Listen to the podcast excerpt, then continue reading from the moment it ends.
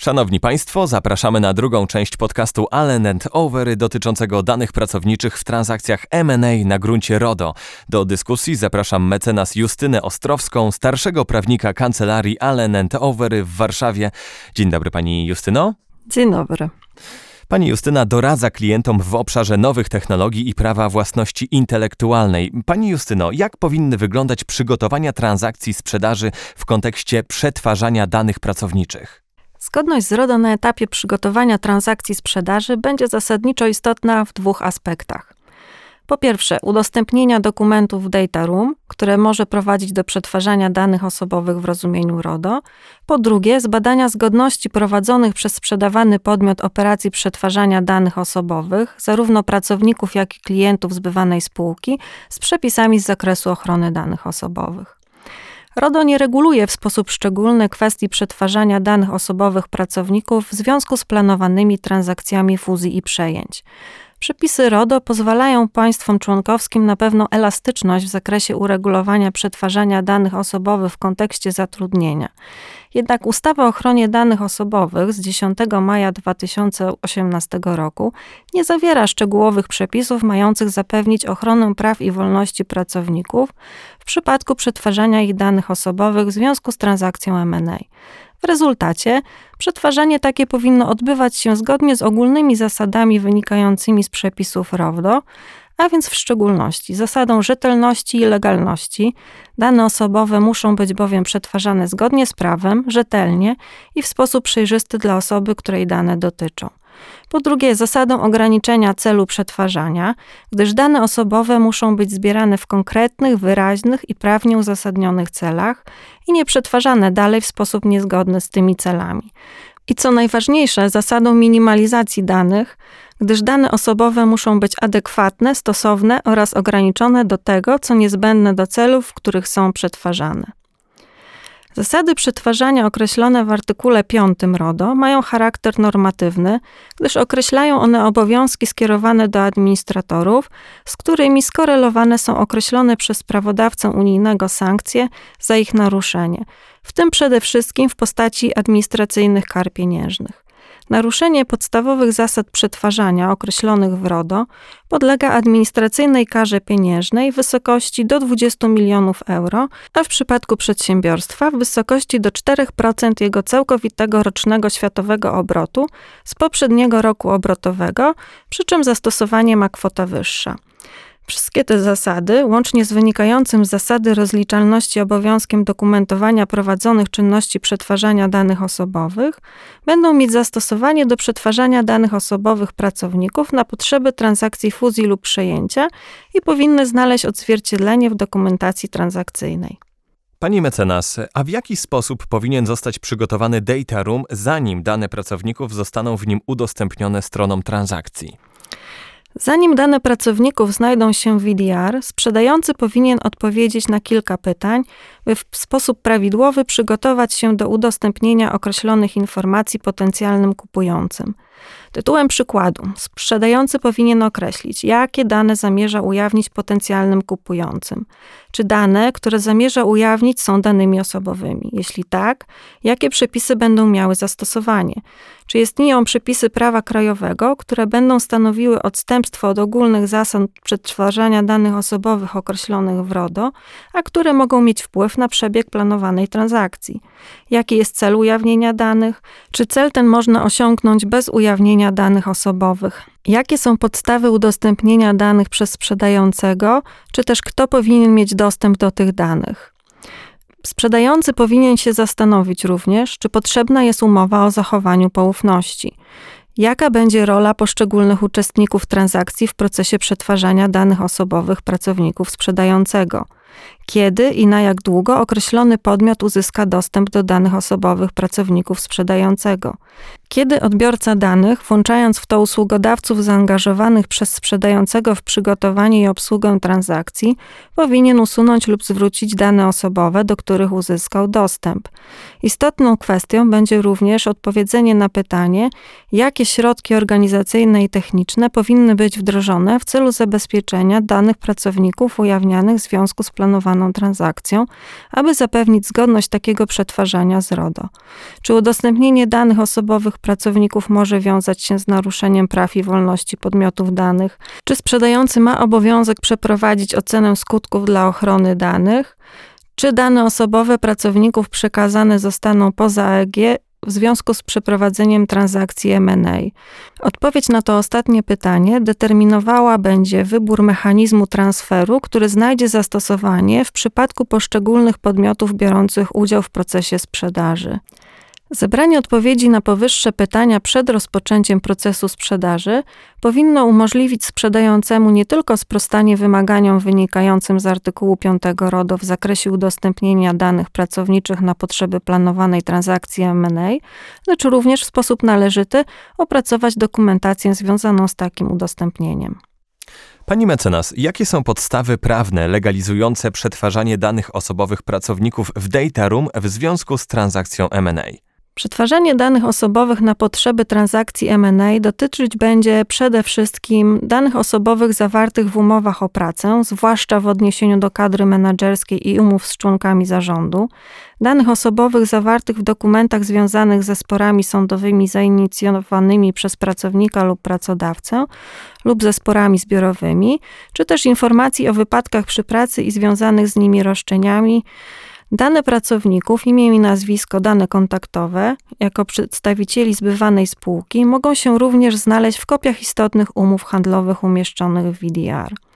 Zgodnie z zasadą legalności przetwarzania, udostępnienie danych osobowych pracowników potencjalnemu kupującemu w związku z planowaną transakcją musi nastąpić w oparciu o jedną z podstaw prawnych wskazanych w artykule 6 lub 9 RODO.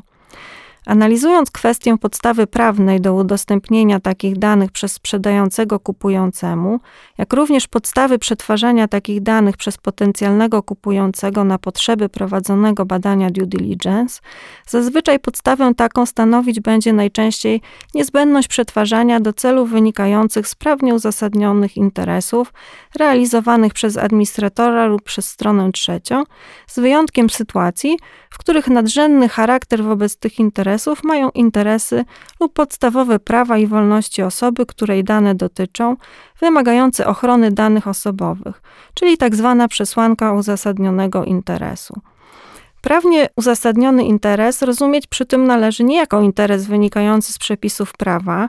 Takie rozumienie tego pojęcia skutkowałoby bowiem powstaniem konkurencyjnej przesłanki przetwarzania do tej wskazanej w artykule 6 ust. 1 litera C RODO, ale jako interes pozostający w zgodzie z prawem, który może mieć charakter zarówno ekonomiczny, gospodarczy, prawny, jak i inny, na przykład faktyczny. Skorzystanie z tej przesłanki wymagać jednak będzie po pierwsze wykazania istnienia uzasadnionego interesu administratora lub strony trzeciej. Interesem takim w przypadku transakcji fuzji i przejęcia jest zasadniczo ocena opłacalności i wielkości ryzyka związanego z inwestycją, przygotowanie dokumentacji transakcyjnej i przeprowadzenie inwestycji. Po drugie, wykazania niezbędności przetwarzania dla uzasadnionego interesu administratora, w tym administratora, któremu mogą zostać ujawnione dane osobowe, oraz po trzecie, przeprowadzenia testu równowagi pomiędzy interesem administratora a interesami oraz prawami i wolnościami podmiotu danych. Kategoria interesu podmiotu danych jest kategorią subiektywną i powinna być odnoszona do sytuacji danego człowieka. Obiektywny charakter mają jedynie prawa i wolności podmiotu danych. Pojęcia interesów podmiotu danych nie można w konsekwencji obiektywizować i tworzyć abstrakcyjnego zestawienia interesów, które będzie dotyczyć wszystkich pracowników przejmowanego podmiotu. Dokonując takiej analizy, należy przede wszystkim zbadać, jaki charakter mają interesy administratora oraz podmiotu danych. Czy przetwarzanie danych jest w ogóle potrzebne dla realizacji tych interesów? Być może istnieją mniej inwazyjne środki, które również pozwolą na osiągnięcie tego celu jakie dane będą przetwarzane, jaki będzie wpływ przetwarzania na osobę, której dane dotyczą, jakie środki zostały podjęte celem zminimalizowania ryzyka naruszenia praw i wolności podmiotu danych i wreszcie, czy osoba, której dane dotyczą, ma rozsądne przesłanki, by spodziewać się, że może nastąpić przetwarzanie danych w tym celu. Zgodnie z motywem 47 RODO, Prawnie uzasadniony interes może istnieć na przykład w przypadkach, gdy zachodzi istotny i odpowiedni rodzaj powiązania między osobą, której dane dotyczą, a administratorem, na przykład gdy osoba, której dane dotyczą, jest klientem administratora lub działa na jego rzecz. Dotyczyć to będzie również sytuacji, w której osoba, której dane dotyczą, jest pracownikiem sprzedającego. Aby stwierdzić istnienie prawnie uzasadnionego interesu, należałoby w każdym przypadku przeprowadzić dokładną ocenę, w tym ocenę tego, czy w czasie i w kontekście, w którym zbierane są dane osobowe, osoba, której dane dotyczą, ma rozsądne przesłanki, by spodziewać się, że może nastąpić przetwarzanie danych w tym celu. Mając na uwadze subiektywny charakter tego testu, wskazane jest również udokumentowanie takiej oceny oraz powodów, dla których administrator doszedł do wniosku, że spełnił kryteria równowagi interesów.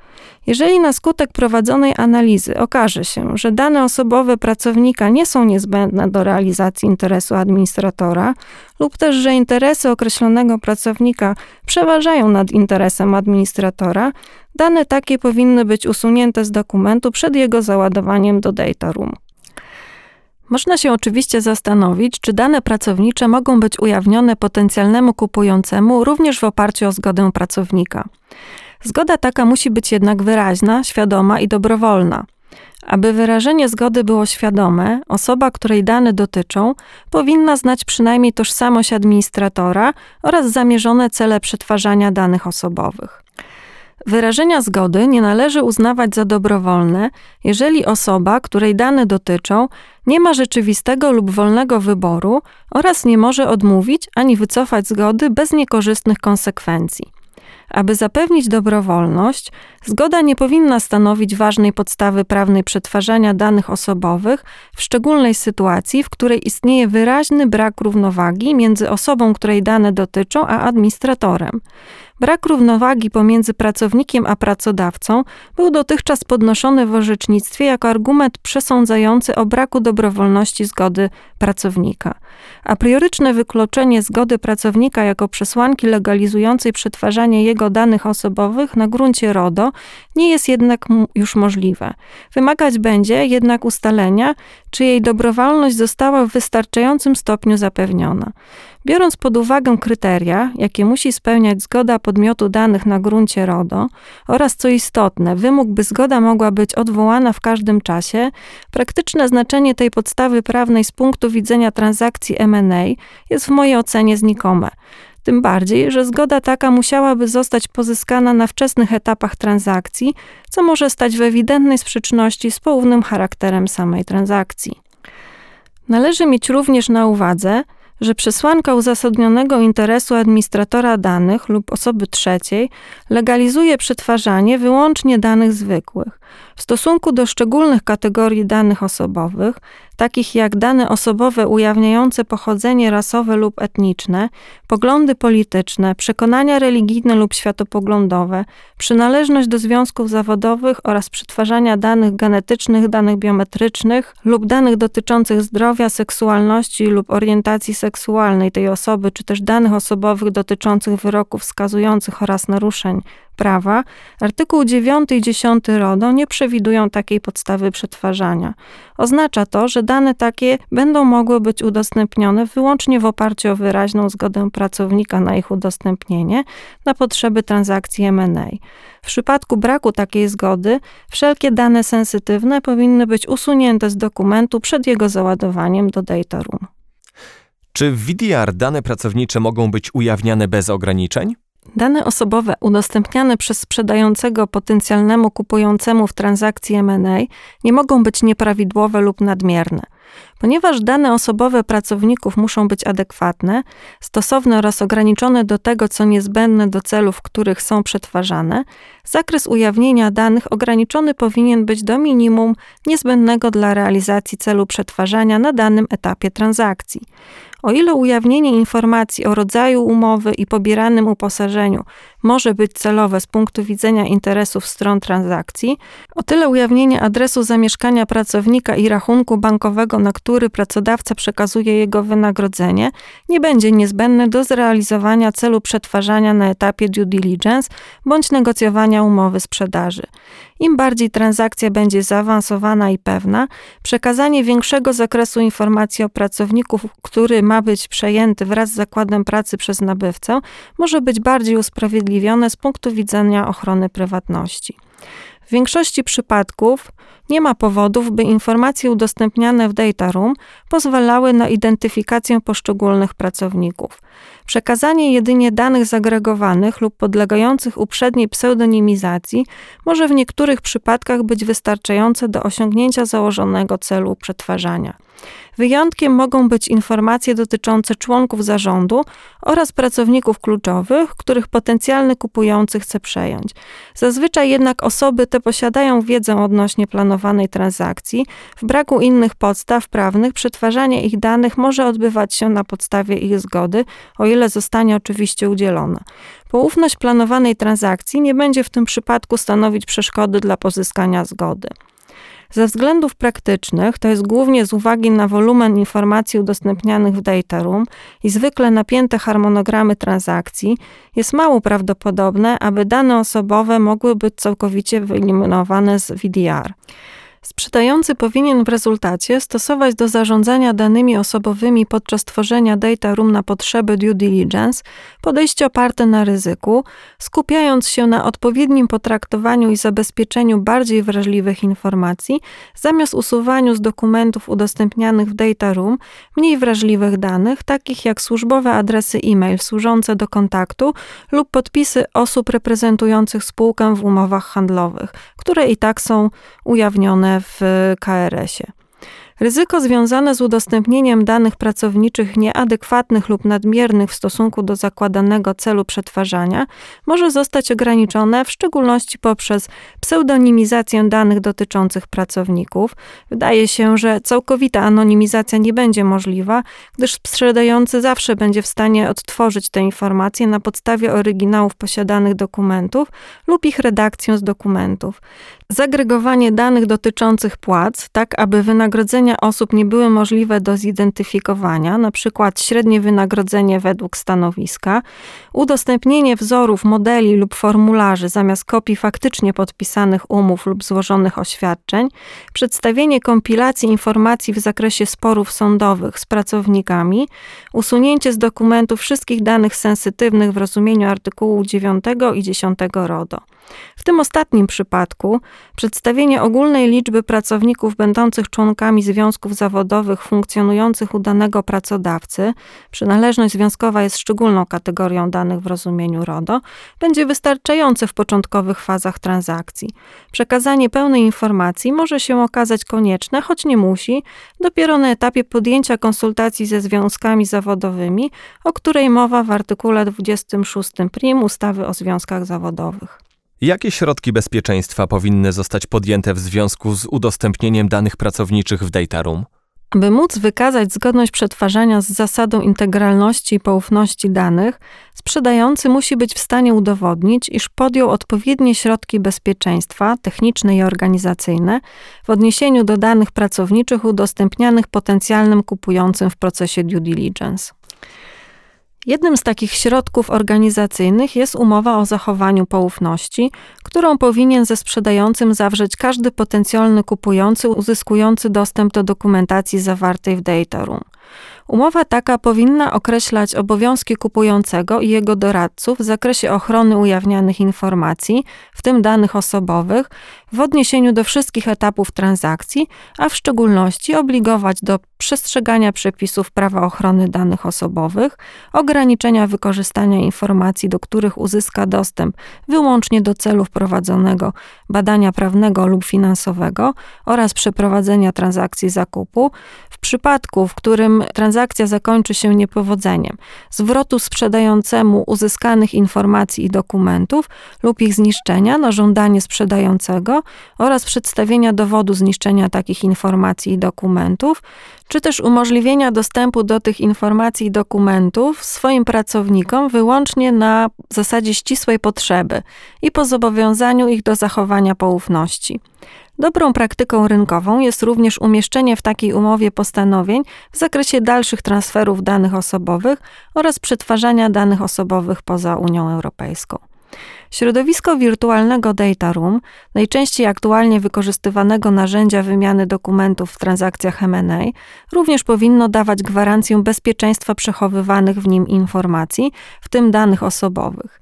Jako środki techniczne i organizacyjne służące zapewnieniu takiego bezpieczeństwa można tytułem przykładu wymienić dostęp do dokumentów przy użyciu bezpiecznego szyfrowanego połączenia, dostęp do dokumentów tylko dla autoryzowanych użytkowników, w tym możliwość stosowania uwierzytelniania wielopoziomowego oraz różnicowania praw dostępu do informacji dla poszczególnych użytkowników. W ramach jednego repozytorium użytkownicy mają w tym przypadku dostęp tylko do określonych plików i obszarów tematycznych. Wprowadzenie funkcjonalności raportowania aktywności inwestorów, która umożliwia kontrolę nad działaniami podejmowanymi w VDR, blokowanie opcji zapisania dokumentów na dysku, ich drukowania, nałożenie na pliki dynamicznych znaków wodnych, czy też tworzenie automatycznej kopii zapasowej. Zgodnie z motywem 28 RODO, aby ograniczyć ryzyko dla osób, których dane dotyczą, administrator danych może również stosować pseudonimizację. Pseudonimizacja polega na przetworzeniu danych osobowych w taki sposób, by nie można ich było już przypisać konkretnej osobie, której dane dotyczą, bez użycia dodatkowych informacji, pod warunkiem, że takie dodatkowe informacje są przechowywane osobno i są objęte środkami technicznymi i organizacyjnymi, uniemożliwiającymi ich przypisanie zidentyfikowanej lub możliwej do zidentyfikowania osobie fizycznej. W wyniku pseudonimizacji część danych dotyczących danej osoby zostaje zastąpiona pseudonimem, dzięki czemu osoba ta jest niemożliwa do zidentyfikowania bez dostępu do hasła i klucza. Warunkiem skuteczności tego środka bezpieczeństwa jest zachowanie w tajemnicy stosowanej metody pseudonimizacji oraz jej atrybutów, stosowanych funkcji i procedur i narzędzi użytych do zmiany danych osobowych do postaci chroniącego je pseudonimu. Dane spseudonimizowane są nadal jednak kwalifikowane jako dane osobowe na gruncie RODO, w odróżnieniu od danych zanonimizowanych w sposób nieodwracalny, co oznacza, że umieszczenie takich danych w data room nie będzie zwalniać sprzedającego z obowiązków nałożonych na administratora w związku z przetwarzaniem danych osobowych. Bardzo dziękujemy. To tyle w dzisiejszym podcaście Allen and Overy. Naszym gościem była mecenas Justyna Ostrowska, starszy prawnik kancelarii Allen and Overy w Warszawie. Bardzo dziękuję pani Justyno. Dziękuję. I gorąco zapraszamy do kolejnych podcastów Allen and Overy, na których będziemy kontynuować ten temat i te dyskusje. Zapraszamy.